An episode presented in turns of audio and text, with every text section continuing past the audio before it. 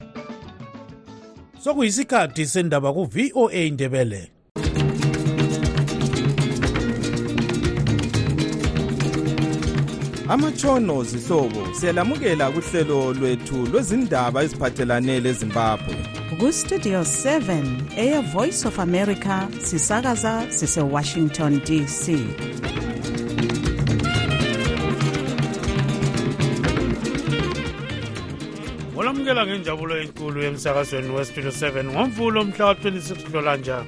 2024 ngogibbs dube endabeni zethu namhlanje intathela izindaba sezivumelane indlela ezaloba ngayo amanye amabala umbhuqazi wekhukhurahundi alakho ukwamukelwa nguzulu hatshi azaxabanisa abantu ukudonselana kuqhubeka phakathi kwecele lebandla ele-citizens coalition for change lapho zithi ngunobhala jikelele waleli bandla athi kasoze axotshwe ku-ccc akade yasebenza labo iningi lezakhamizi esabelweni semathebeleni north ikakhulu esisemaphandleni zikhala ngokuthi zibhekane lenkinga eziningi ezigoqela indlala esibangela ubuyanga obesabekayo zonke lezi ndaba lezinye lizozizwa kulo msakazo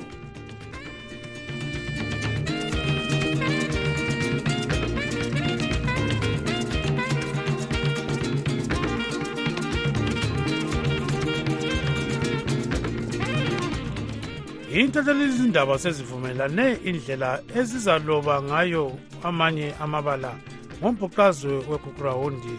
alakho ukwamukelwa nguzulu hatshi azoxabanisa abantu kodwa sizalandela udaba lolu silethulela-ke ngesikhatshana esilandelayo sike sibone okunye esilakho namhlanje ukudonselana kuyaqhubeka phakathi kwamacele ebandla le-citizens coalition for change lapho zidingo nombabhala jikelele waleli bandla athi kasuze axotshwe ku-ccc ngakade esebenza labo abagoqela ilunga laleli bandla umnumzana albert mhlanga ngoba bengelalungelo lokwenza lokho njalo bengaqhubeka besebenzisa uphako lwaleli bandla baza kuba senkingeni ngoba eselubhalisile eselubhalisile kodwa umnumzana mhlanga utshele istudio 7 ukuthi abalandaba lophawu lolu njalo bazasebenzisa awabo amagqweda ukulwisana lenyathelo likamnumzana jabangu lanxa ethembe iziphathamandla zaleli bandla ezingabameli asebenza labo ezigoqela umnumzana washman ncube lazo ezingalukhutha ugatsha ukuhlaziya lolu daba usithandekile mhlanga westudio 7 uxoxa le ngcwedi ecubungela izombusazwe umnumzana nqondobanzi magonya osekela ibandla lezaphu amasingabi lendaba lokwenzakala ku-ccc kasivimbenini sibili izigaba zakithi zonke imathebeleleni le-midlands bengaphindi bephenduka abantu laba e, ezigabeni zethu kumele sivitshe izaphu iphume kuzanu ngokupheleleyo njalo e, abantu bephenduke ekhaya baningi abantu bakithi abahugwe eh, yindlala besiyaphephela emabandleni awempumalanga eh, abesilethela abantu lapha abantu ade bengasenzeli lutho thina sikhangeleni ngekhaya senzokwethu um sizabambana labo abemzini abezayo kodwa labo bevela kibo lathi silungise kithi sizahlangana esihlothini ukhuluma ngebandla lezapho kuphela amanye-ke afana le-freedom alliance le-mrp agxile emathebeleleni i-freedom alliance ukuze ibe khona bekubone kufanele ukuthi kube lephathi ezancintisa izaphu esigabeni lapha izaphu vele okwazakala ukuthi iqine khona kutheni kungani bengezanga ukuzahlangana labanye abantu baphenduke ekhaya bazosebenza ngaphansi kwezaphu ungayithola impendulo kulowo mbuzo then singaqhubekela phambili okwesibili i-mrp injongo yayo ayifani le njongo yezaphu i-mrp bafuna kuqunywe ilizwe bathi bona we must be a republic but ukhumbule ukuthi vele thina njengesizwe samandebele asikaze sibe le-republic thina singabantu bobukhosi so isizatho wayi ngisithi mina zonke kazikhangele kuzaphu yilesi silabantu eh, sithandekile abaphansi la ababulewe yizanu ibabulalela ukuba yizaphu ibabulalela ukuthi ngabantu bemathebeleleni abantu labo bafela ize izaphu ilembali izaphu ligugu lethu umuntu wonke owakithi kaphenduke kabezekhaya owelshman abezekhaya uchabango owabedniko abaphenduke ekhaya ngoba bonke ngabantwana bezaphu sizoqinisa izaphu i-mrp ungakhohlwa ukuthi ihlubuke kuzaphu ngenxa yokuphathwa kubi kweyouth kuzaphu um ngabanye abantu eh aba abayibona basidalele ama problems kuzaphu and abasidalele ama problems even langesikhathi sempi abanye bakhona kodwa ke izaphu kumele ukuthi iguquke ngoba izaphu yabo baba uJoshua Nkomo leziloyiso zayo ukuthi iZimbabwe ibe yi one nation lokhela kusoze kwafa kwafezeka njalo isikhathi salokho sokwedlula izaphu kumele ukuthi eh, yamukele a federal concept of igovernance i-ideology yezaphu must be federalism kurecognizwe ukuthi ngamazwe amabili sibe lama-states amabili eh, semi-autonomous states imathebeli ngapha bezibonele impumalanga ngale izibonele e, ebafana bona baba emrp baphenduke ekhaya ngoba yikho okufunwa ngabantu so izizwe zona zombili kukhona lapha okulokhophe khona okungeke kuqedwe ngomunye umuntu njalo kusoze kuphele but ngilesiqiniseko sokuthi nxa singalifederate ilizwe leliyana into two states ukhophi lolukhona luyaphela lo ngumnumzana mqondobazi magonya ingcwedi ecubungela ezombusazwe njalo esekela ibandla lezaphu besixoxa laye esebhilithane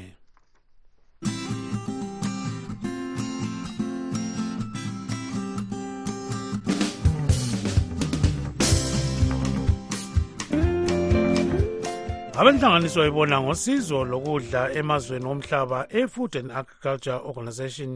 yaze ukuthi abantu abangaba izigidi ezintathu lengxenye 3.5 million badinga usizo lokudla kwelezimbabwe lokhu kuza ngemva kokukhuphuka kwentengo yokudla kanye lokungani kuhle kwezulu ingcwethi yezomnotho yasemelika umnumzana steve hanki uthi izimbabwe iqhubekela phambili iyiyo ekhokhelayo emazweni alesilinganiso esiphezulu sokonakala kwesimo somnotho i-inflation ebangelwa yikhuphuka kwentengo yempahla lokunye isilinganiso se-inflation ezimbabwe sibikwa siphezulu kwenkulungwane eqhulwini 1367 percent izimbabwe ilandelwa i-argentina yona ekusilinganiso samakhulu phose amabili ekhulwini 197 percent ukuhlaziya lolu daba udaba kwancubo esitudio 7 uxoxe le nduna umbiko masuku wematshetsheni egwanda north isimo sakhona asisihle sibi kakhulu kukhanyani lapho esiya khona akuthambanga lo nyaka kuzakuba nzima kakhulu ngoba nxa izulu lingananga kuzakwenzakala ukuthi abantu lefuyo inyamazana zeganga konke kuzakuba lodubo lokokuqala lokuthola amanzi ukudla ukudla okwabantu ngiyakubona kungazanye imizamo lapha lalaphana kodwa udubo lwamanzi yilo luzakuba lukhulu kakhulu umuntu ngangeke aphile nganathanga amanzi yikuyini elibona ngani kungenziwa ukuthi kuphathiswe abantu bezimbabwe ngalesi sikhathi sibhekane le ndlala enje siyeza kuyakhulunyaka ukuthi kulamalungiselelo uhulumende ukhona azakwenza sithemba ukuthi kuzakungaphumelela khona lokhu ngoba nxa sesisesisangeni esinjengalesi um abantu babe sebekhangele kuyo uhulumende ukuthi abaphathise uhulumende uphathisa ngendlela eziningi ngalokhu abe lakho yena esikhwameni sakhe kumbe ngokuvulela abanye ngaphandle abaloncedo ukuthi basondele eduze bazophathisa abantu sesikhangele ukuthi kwenziwe zona lezi zinto ezinjengale kuphathisa abantu bezifuyo zabo ukuphathisa abantu bodwa izifuyo ziphele kutshengisa ukuthi kuyabe kusitsho ukuthi abantu abazokuma ukukhangelela kohulumeni yindlela abantu abalima ngayo yikho lapho abanye sithola khona umquko yikho lapho kutholakala khona imali yokufundisa abantwana so izifuyo lazo kuqakathekile kakhulu ukuthi zibonakala ukuthi ziyaphepha kulindla lefini um njengoba um kukhanya ngani amanzi awangenanga emadamu yikuyini okungenziwa ukuthi um kutholakale amanzi osokuqakathekile ukuthi benziwe ukuthi endaweni lapho kutholakala khona amanzi kuqiniswe kugejwa kwezibholane umgejo kwezibholane khonapho um ezinye ngenxa yokuthi sokome kakhulu bebe bezivele zikhona zitshona izwi i-water table layo kumele iyehla kamanxa kusomangalindlisi itshona izwi ukwenzela ukuthi kutholakala amanzi then udubo luzakuba lukhulu sezindaweni lapho kungatholakali khona amanzi phansi ngoba especially khona lapho egwanda kulezindawo lapho kungatholakali khona amanzi phansi yikho lapho hhayi ingqobo enkulu lapho angathi sizakwenziwa le yinduna umbiko masuku obesecingweni lotabaka ncube westudio 7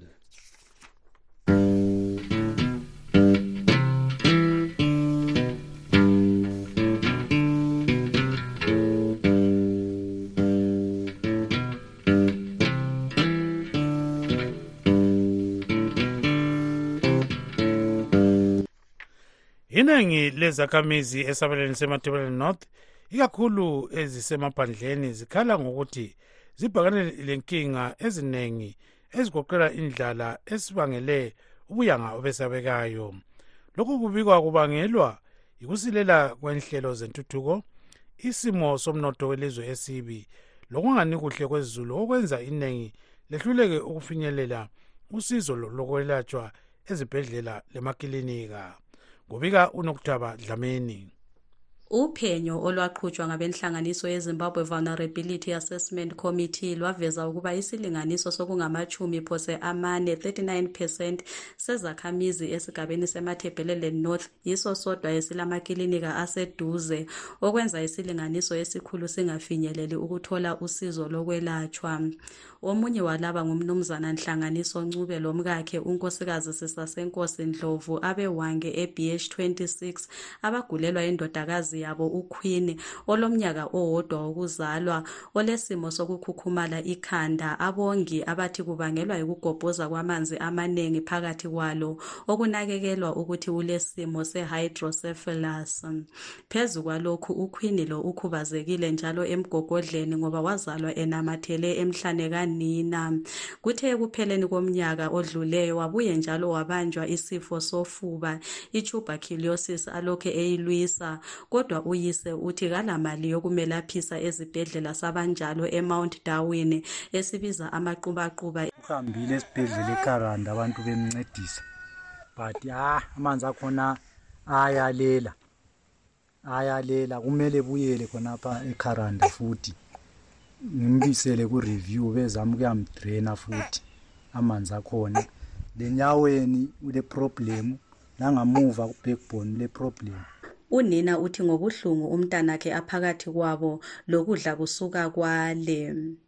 kubuhlungu lokho engubonayo lezilonda lezi angidli nxa ngikhangela umntwana ngezilonda lezi uyise uthi njengabazali basuka baswele ukuthi bengenza njani ukuthi bemephule kulobo buhlungu vele zona azifuni kubhanditshwa azifuni kwenziwani zifuna ukuhlala zinje so sizigezi azizamazama ukuzigezisa but azi ngani ziyawoma ziphinde ziyale ziphinde zihlale zinjalo zibuyele ziwome langapha ekhanda ngapha nanxa umbamba so amanzi la abe tshisa sibili mm. okay. khanye ukuthi uyeza ubuhlungu kwesinye isikhathi asilale ebusuku uyagomela eh, eh, eh, elale egomela ubusuku konke Ukhansila wemangweni wekaTshetshete uMnumzana Givemyagain Moyo uthi ngabe uhulumende uyaphuma lendlela zokuphathisa imuli ezinjengalezi. silabantu abagogekileyo abantu laba abagogekileyo abalutholi usizo engikukhangeleleyo mina kuhulumende ukuthi akhangelele izigoga ngezakhe akhangelele izicubi ngezakhe abantu abagulayo begula imikhuhlane etshiyetshiyeneyo ngabakhe Osebenza kwezempilakahle engu-Village Health Worker esiqintini senkayi uNkosikazi Rachel Mholi uthi inengi libulawa ngumango kanye lobufitshane bengalo ukuthi bezelaphise. Akulazimali abanye bahamba ngenyawo beyefika ezibhedlela umuntu ephathekile kumbe kwesikhathi ebopha inqola wahamba nxa ethi uyafika ngala uthole ukuthi akulamithi vele. awumongikazi labo ngabanye abashotayo ezibhedlela Ephendula kulezinhlupho, ongumholi wesabelo lesi uMnumzana Richard Moyo uthe zonke lezinhlupho kufuze ziyebikwa kugatsha olubona ngenhlalakahle kazulu olwe-social welfare. Nxa kulokunye njalo okuyabe kushota ababuye emahofisini ethu bezokutsho kumbe amahofisini abo-DDC kulama uh, kulama-social welfare officers indawo yonke bencediseke nxa kulama-individual abafila ukuthi basalele ngamuva um ukuthi uhulumende kabakhangelele baba uhulumende kwesikhathi uyabe engakwazi ukuthi bakhona umoyo uthi lokhu bengakwenza ngokuyabhalisa amabizo abo okugoqela lalabo abahlaselwe yindlala ethi uhulumende uyangenela ngokunika ukudla abuye njalo aphathise ngosizo lokwelatshwa kungelambadalo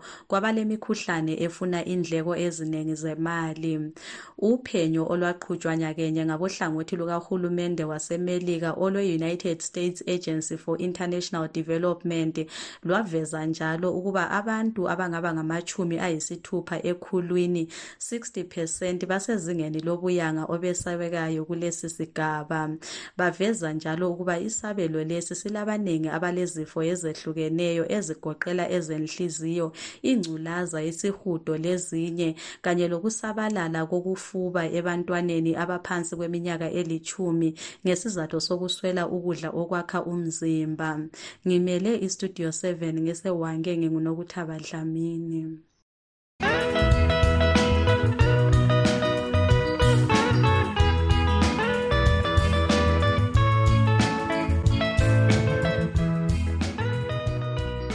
intatheli lezindaba sezivumelane indlela ezaloba ngayo amanye amabala ngombhuqazi wegugurawundi alakho ukwamukelwa nguzulu hatshi azaxabanisa abantu bazasebenzisa amabala la ngesikhathi besethula imibiko yokwenzakala ematebeleland phansi kohlelo oqhutshwa zinduna olokuhlolisisa umbhuqazwe wegugurawundi kubika u-anastasia ndlovu intatheli zindaba ziphume lamabala la namuhla kobulawayo emhlanganweni eziwenze lekhomishini eyezimbabwe media commission kukhangelelwe ukuba kuzaqhutshwa umhlangano ofanayo eharare ngodaba lolu ukhomishina alec ncube owezimbabwe media commission uthi kuhle ukuba intatheli zindaba ziyazihlelela zona ngokwazo indlela zokuziphatha ngazo ngesikhathi zisebenza kulolu hlelo siyathaba kakhulu ukuthi intatheli zindaba lazo zizaphatheka kuma-hearings lawa azayenzwa ngochief silethemba lokuthi ama-journalist lawo baza they will play their part in ensuring ukuthi hhayi abantu bonke baparticipate betsho okwayenzakalayo and kungela kwesaba umabhalane wezimbabwe media commission umnumzana godwin phiri ubike ukuba umhlangano olandelayo wokulolonga ugwalo lokusebenza kwentatheli zindaba uzakwenzelwa eharare ngemva kwawo besekuhlelwa-ke umhlangano wemfundiso ngombhuqazwe andubana ziphiwe imvumo yokuya emhlanganweni wombhuqazwe lezinduna emhlanganweni abantu bakhangele ingwalo kade zilungisiwe nalezi ingwalo ezizo into ezibeka imigomo lembandela yokusebenza kwama-media practitioners kwavunyelwana ukuthi kwalungisisa lezo ngwalo kwacina sokuvunyelweneke ukuthi sisiya phambili kuzasetshenzwa njani sisuka lapha somele siyeqedisa eharare sihlangane njalo ezinye intatheli ezindaba ukuze kungasiqeda lapha sonke sibe ngabantu abavumeleneyo ukuthi sizasebenza njani siya phambili ongene umhlangano lo umnumzana amandla juma intatheli izindaba uyakuchasisa lokhu so kodwa into engathi ngijabulele kukhutshwa ayingazi mbazakhutshwa ama-consent forms ngoba bembonani abezadala uhlupho nxa kokuthi intathela izindaba zesiya phansi lapho kulabantu khona sokuthiwa abantu laba bazakhuluma kumele basayine i-community yethu ngeyabantu abayisaba kakhulu ukuthi the moment you bring a-uniform ungacina usudlalisa ama-resources usiyetsholotsho kumbe ebhalagwe ubuye ungela story kodwa mbani uhlelo lolu luright kodwa okunye kusuke kungani kuyangithinta kungani kufuna ukuba lokungenela lokucontrola okuthile ukuthi amanye amabala angasetshenziswa amanye amabala asetshenziswa sekungani imidia izabe isicontrolled unkosazana rumbidzayi mhlanga intatheli izindaba uthi kuqakathekile ukubikela uzulu ngombhuqazwe lo ngendlela ehloniphekayo ah, bona uh, ngathi uhlelo lokubhala nge-background lihlelo li-right kakhulu ukuthi sinike abantu i-chance ukuthi bazikhulumele ama-experiences zabo um eh, amavoice zabo lazwakale kulokuthi abantu belokhu bekhuluma becabangile enye njalo intatheli zindaba engene umhlangano osebenzela egwanda umnumzana mvelo zondo uthi ukulotshwa kuhle kombhuqazi wegugurawundi kungengeza amathuba okupholisa amanxeba Mina ngibona ngithi uhlelo lokubhala ngeground luzaba leklosure ebantwini ngoba abantu bazakhululeka ukuthi bekhulume ngezinto ezenzakalayo ngesikhathi eh, sombhuqazwe njalo kuzabanika ukuthi bezizwe ingani eh, uhulumende uyabanakekela ngalokho okwenzakalayo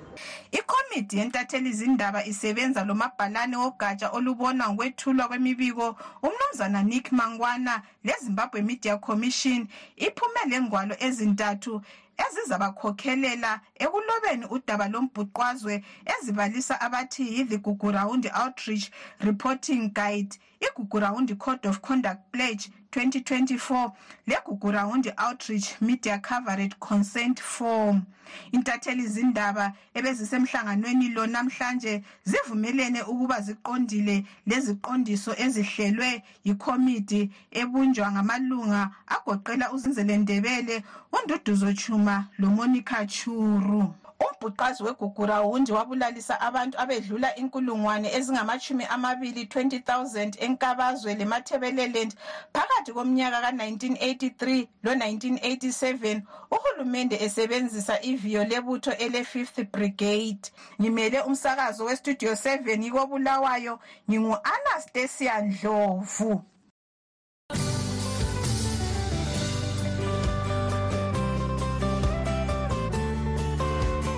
badlana ingqondo abantu kwele zimbabwe ngokwezanywa libandla lezanu p f elifuna umongameli emerson mnangagwa ahlale esikhundleni loba isikhathi sakhe sesedlule ngomnyaka 2028 kulabanye abathi konke lokhu sokusezandleni zebandla elibusayo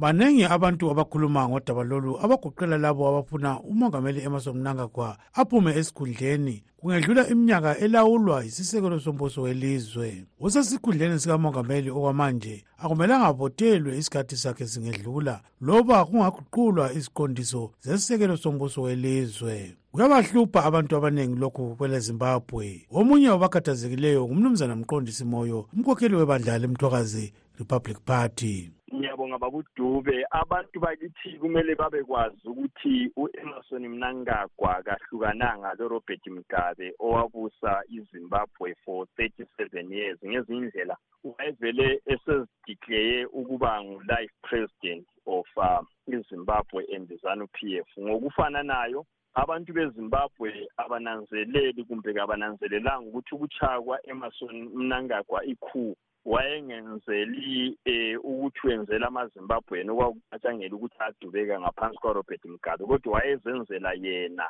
ukuthi angabamba intambo eh ahlale laye unomphela ayisikho kuphela ukuthi uEmerson Mnangagwa ufuna i-third term ufuna ukubusa laye kuze kube yilokhana uSimon Mzenda owayehlale sithi umgabe uzabusa amadonki aze amile impondo layo uEmerson Mnangagwa ngicabanga ukuthi akulwisayo kathesi ukuthi abuse amadonki aze amile impondo ngoba izanu p f kayikaze yahlonipha ikhonto okuthiwa yi-constitution kababusi belandela i-constitution yelizwe abantu abaningi abaphikisa umbuso kamnangagwa balombono ofanayo kodwa ophethe isikhundla sobona ngokwethulwa kwemibiko kubandla lezanu p f umnumzana pharayi marapiri ukuthi kabakakhulumisani ngodaba lolu loba lusekelwa ngumsekeli kamongameli umnumzana kembo mwahade It is expected that uh, zanu as a party is one of the most democratic institutions in which people will uh, have any discussion of their choice. But people having a discussion is uh, neither here nor there. Uh, when uh, things are set in motion, certain concrete measures are taken, and in the absence of that, we cannot comment on having a conversation uh, amongst themselves ingcwethi kwezemithetho umnumzana nqobani sithole ukuhlanganiso yebameli bamalungelo kazulu uthi ibandla leli lilakho ukubisela umnankagwa esikhundleni loba lisazi mhlophe ukuba liyabe selisesiphula isisekelo sombuso welizwe kusection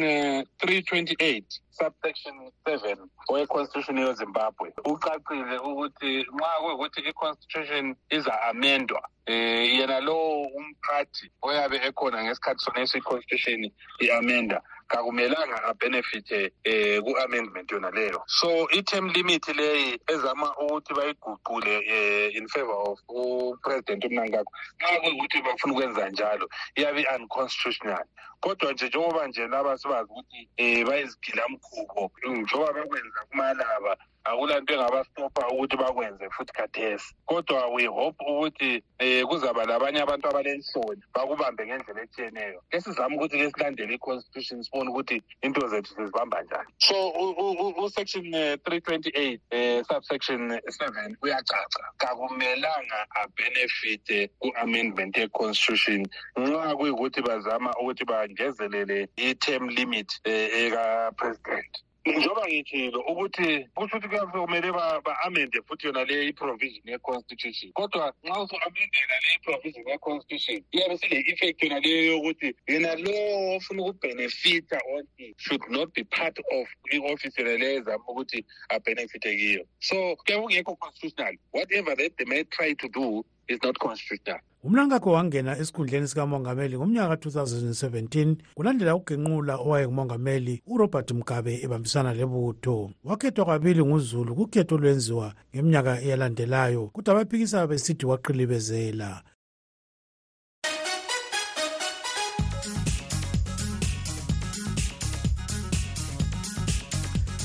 weziphathelane lemelika le yinyanga yokunanza imisebenzi yabensundu lokunqabela ubandlululo lokunye okubizwa ngokuthi yi-black history month kambe sitshoni isikhathi lesi ukuze sihlaziye lolu daba sixoxele lo mnumzana dan moyo odabuka kwelezimbabwe ohlala emelika Black History Month eh kimi iqhakathekile kakhulu ngoba i recognize em abantu abamnyama eh, kuleli eleAmerica eh siyazi ukubana eh abantu abamnyama abaningi lana babuya ngeslavery and eh, abantu abamnyama babengavunyelwa eh, ukuvota kwakule segregation eh, siyazi ukubana abantu abamnyama babengavunyelwa kwezinye indawo ezazivunyelwa abelungu kuphela eh, of which eh, kwagcina um kusiba lo mthetho ku-constitution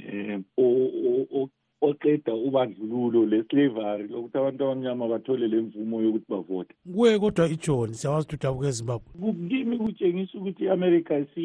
njengelizwe isi-advansile ekubeni iqede ubandlululo phakathi kwabantu abamnyama eh labe labelungu eh, mangikhangela mangikhangelisisa eh isituation leyi ngiyicompare lezimbabwe siyazi ukuthi ezimbabwe kwaliwa impi yenkululeko um impi leyo iyagcina kufika ngo-nineteen eighty lapho okwaba khona le-one man one vote abantu abamnyama banabo bathola ilungelo labo lokuthi bavote so ngaleyo ndlela ngikufananisa ngendlela efanayo lalokhu okwenzakala la e-amerika ukuthi ezimbabwe lakho sasilayo i-apartheid yona leyo ukuthi abantu abamnyama babengelalungelo um lokuvota or even ilungelo lokuhlala kwezinye indawo kodwa konke lokhu kwaphela um ngo-1980 ma kusenziwa i-one man one vote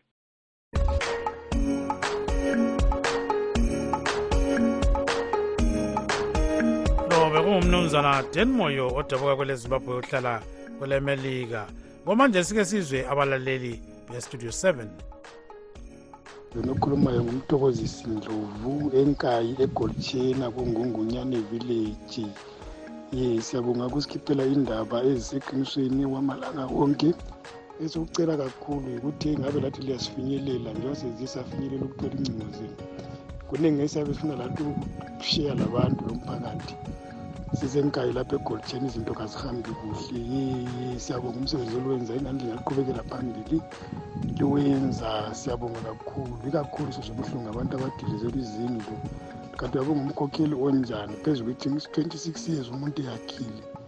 khona nje noma umnyaka umuntu eyakhile kambe ngamdilizela indlu esiyakhile kulabantwana ukuthi ayengaphi le ndlala engaka lezulu lonyaka kula umumbu kasiwazi ngiyabonga mbulisa bonke abangaziyo Sipho Seven siyabonga siyabingelela. Umgalo lo wayengumbulali wayengumbulali ongcono kakhulu. Kuya lo ozakufosa ukuthi umvotele ngenkani. Ma ungasavotanga rige. Eqeda ukuriga abuyathumela abantu bazolithisela imizi balixotshe emapulazini ajikela lapha athi umhlabathi ngowakhe um bazamkhumbula umgaba ongapheliyo kuyahlola Siyabonga kumasenga lapho kobulawa ethumile emadokeni. Studio 7, Studio 7 linjani labalaleli siyabona umsakazo. Hayi mina ngifuna ukuyentshela abantu laba abantu laba ababhizi bekhuluma kosengezo chabane. Labo mina ngigagwa labo chamisa abake bazama ukukhuluma ngezinye izinto ezilengqondo. Abadinwa ngokukhuluma abantu abazidlala besithutha lokho ukuvota sokudlulile. silinde i-five years manje basiyekele lalokho badala zamani ukukelekela ukuba lokho libumanelwa ngabantu labo ngama-whatsapp abo lawa kulalutho lukhona lapho isani yalibusa labo yes siyabonga kakhulu-ke laba ngabalaleli bestudio seven olivalisa ngenjabulo